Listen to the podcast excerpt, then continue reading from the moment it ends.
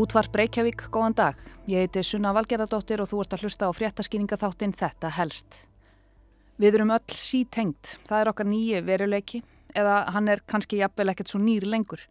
Fræðimenn segja að snjallgræðunar vera orðnar framlengingu sjálfsins. Síman hinn að nýju hægri hönd líkamanns.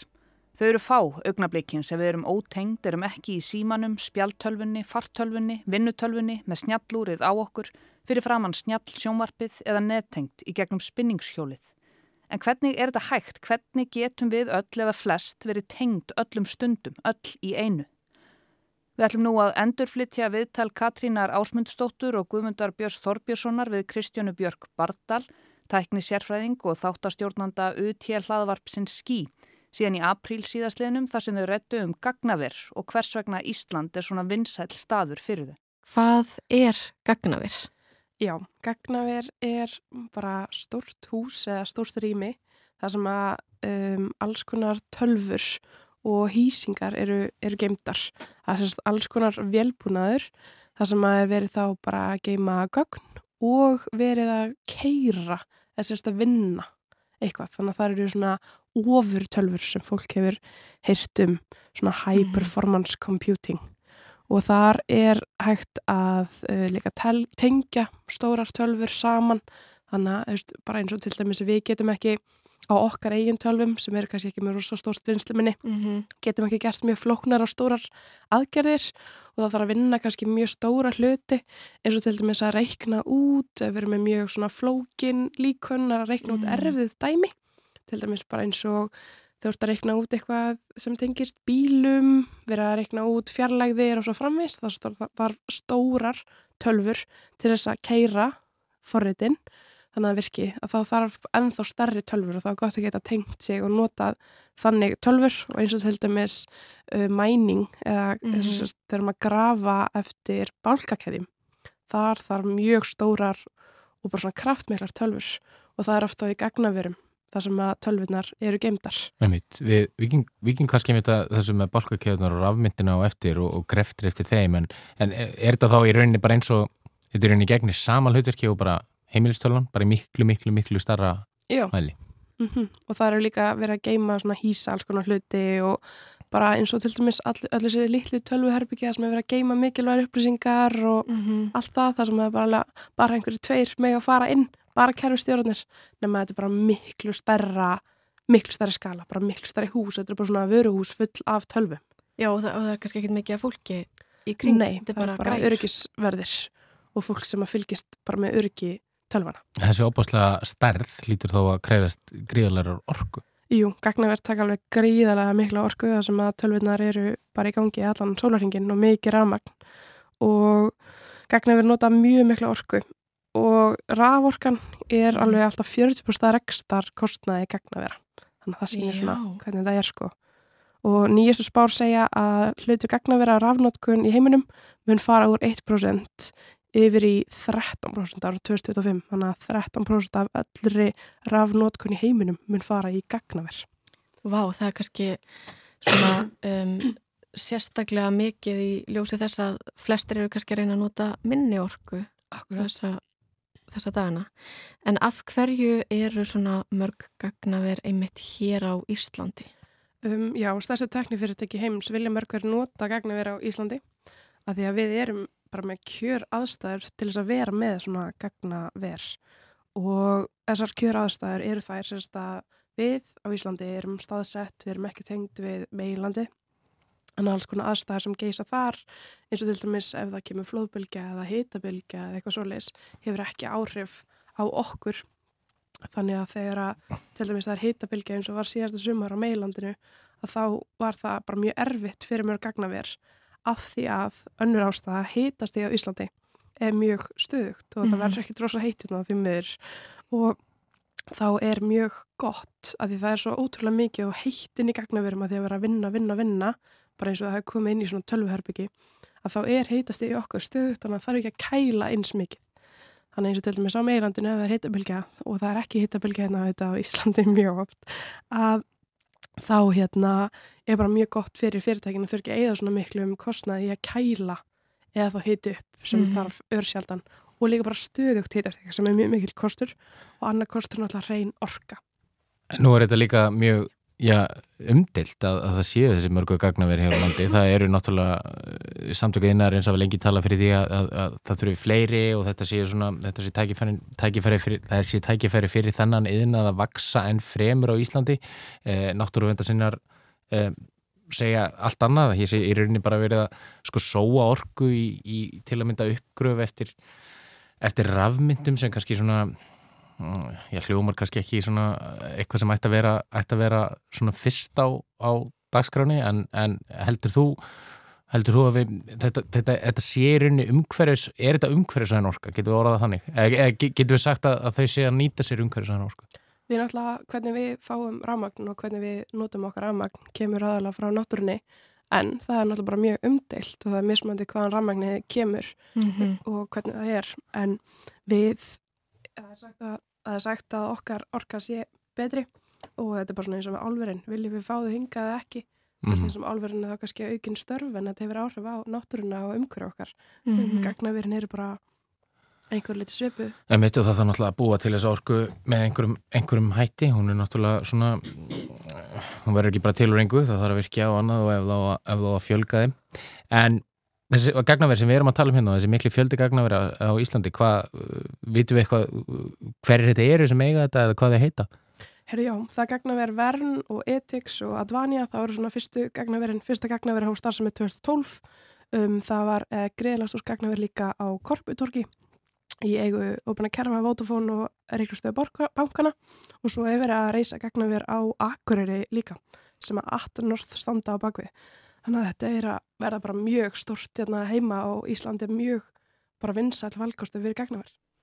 Sagði Kristjana Björk Bardal, tæknisérfræðingur, en hún er ekki alveg sloppin frá okkur því við ætlum að halda okkur á þessum nótum út þetta helst í dag.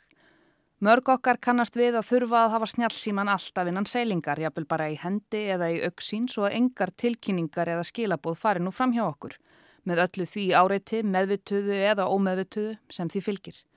Og kannski vilja margir eigða minni tíma í símanum og tapa sér síður í samfélagsmiðla skrollinu rétt fyrir háttin. En af hverju ætla þetta sé svona? Hvers vegna er svona erfitt að leggja síman á hilluna?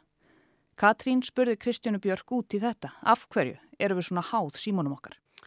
Það er vegna þess að þegar að við fáum tilkynningar, til dæmis á síman okkar, þá losnar svona taugabóð sem heitir dopamin og sem lætir okkur líða vel það gerir það verkum að við sækjum aftur og aftur í símón okkar til að fá þessa tilfinningu. Og mörgu upp eru sett upp þannig að við erum alltaf að fá notification eða tilkynningar og það er oft svona tilkynning sem kannski segir þér ekki alveg allt. Mm. Stendur, þú varst tökkuð í mynd en þú sérð ekki endilega myndina strax þannig að það færði til að íta á og líka bara oft eru eins og kannski fólk sem hættir að nota ákveðinu upp í einhver tíma fær tilkynningar um eitthvað sem kannski kemur þeim ekki við þannig að þú farir og opnir og kíkir og notir meira og meira.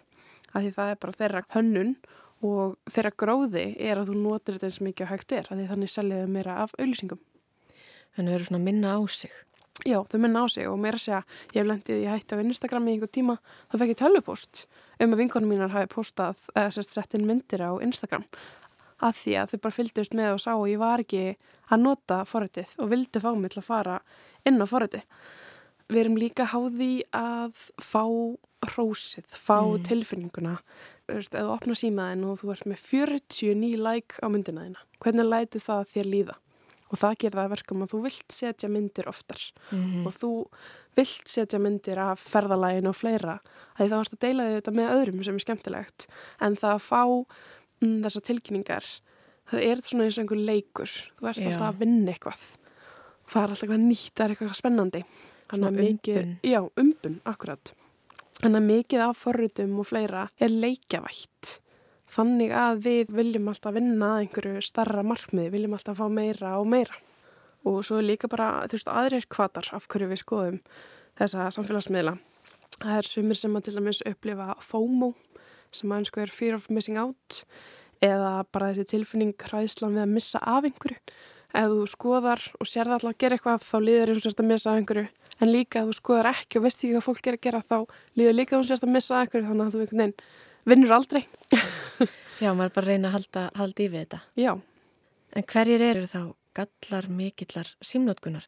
Það er náttúrulega svolítið margir sem hafa pælt í því að getur verið sem að minga aðteglisban eða sérst að aðteglisbanið okkar er að minga sérst hversu lengi við getum haldið aðtegli og ef við bara hugsim bara hversu lengi við nennum að býða eftir að eitthvað myndband hlaðist niður fyrir mörgum Já. árum og þá getur maður býðið í nokkra mínútur. Eða virkar ekki eftir tíu sekundur eða eina, tvær sekundur núna þá ertu bara, heyrðið, netið bilað. Þannig að aðteglisbanið okkar er ekki eins langt byrtan á öllum sem skjám hefur áhrif á okkur og getur haft áhrif á líkamsklukkuna og svo þurfum við líka bara að passa að þetta hafi ekki áhrif á samskiptinn og fólki í kringum okkur. Mm. Það við séum ekki háð símanum, séum ekki að taka hann upp þegar við erum með vinkonum okkar eða einhverjum sem að þurfa á aðtegla okkar að halda.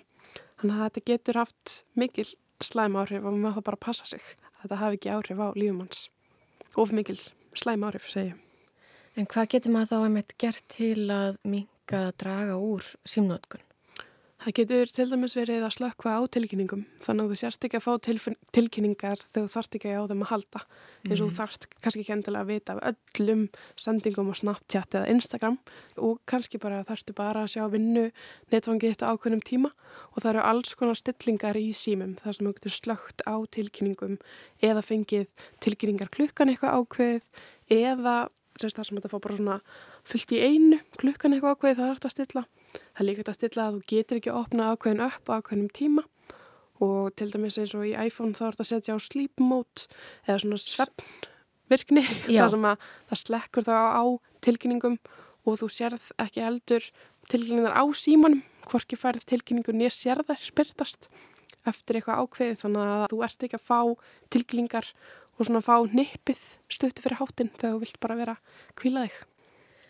En hvað þá með gagnasöfnun? Nú eru margir til dæmis með snjallur sem fylgjast með eh, hjarslættinum eða mhm. skrefunum, mm -hmm. söfninum. Já, það eru rosalega margir með snjallur og ég sjálf til dæmis er bara með snjallur og fylgjast með öllu. Og þarna vera það eins og þess að ég er að sapna alls konar upplýsingum. Þarna kemur leikjafaðingin rosalega mikið inn það að sjá þessi rágögn bara hvernig hjarta þetta er að slá eða hversu mörg skref mm. og svo framvis er kannski ekki endla mjög spennandi að þú færi bara að lista fullt af gögnum og tölum. En þau gerir þetta þannig og setja þannig framma eins og með Apple úrin þá ertu með ringi sem þú vorst að fylla. Hversu oftu stendur upp, hversu mikið þú reyfið þig og hversu langt þú ferð og þá ert að fylla og loka ringjónum þannig að þú ferð rós frá úrniðinu. Og það er þessi leikjavæðing sem hefur áhrif. Líka eins og sumi síma rósar fyrir að ná svefnmarkminniðinu á einhverjum ákveðin tíma. Þannig að við erum að fylgjast með rosa mikið af hlutum og þurfum að vera bara mjög meðvitið hvað viljum við að sé sapnað og hvað ekki. Því að ofta á tímum ef að appið eða forrættis og hliður niður er ókipis þá getur vel verið að þú sérst varan getur vel verið að sé verið að selja áfram upplýsingarnar eða gögnin um þig kannski ekki endla um þig með þínu nafni ekki endla að Kristjana gerir þetta heldur kona á þessum aldri mm. sem býr þarna og er með þennan bakgrunna við höldum gerir þetta. Þannig að þá til dæmis auðveldra fyrir þau að selja mér eitthvað eða að láta sína mér eitthvað á réttum tíma með við mína hegðun.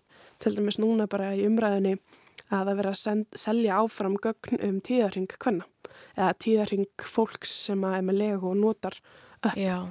Og það getur verið bara mjög hættulegt, sérstaklega í löndum sem að banna og er að banna fórstureyingar að þau viti, heyrðu, þú ert ekki búin að vera hérna á blængum, vanalega ertu alltaf að setja þetta inn í appið og, og svo frammis og er þá hægt að fylgjast með þinni hegðun og hvernig þinn líkami er. Það getur verið stór hæglegt.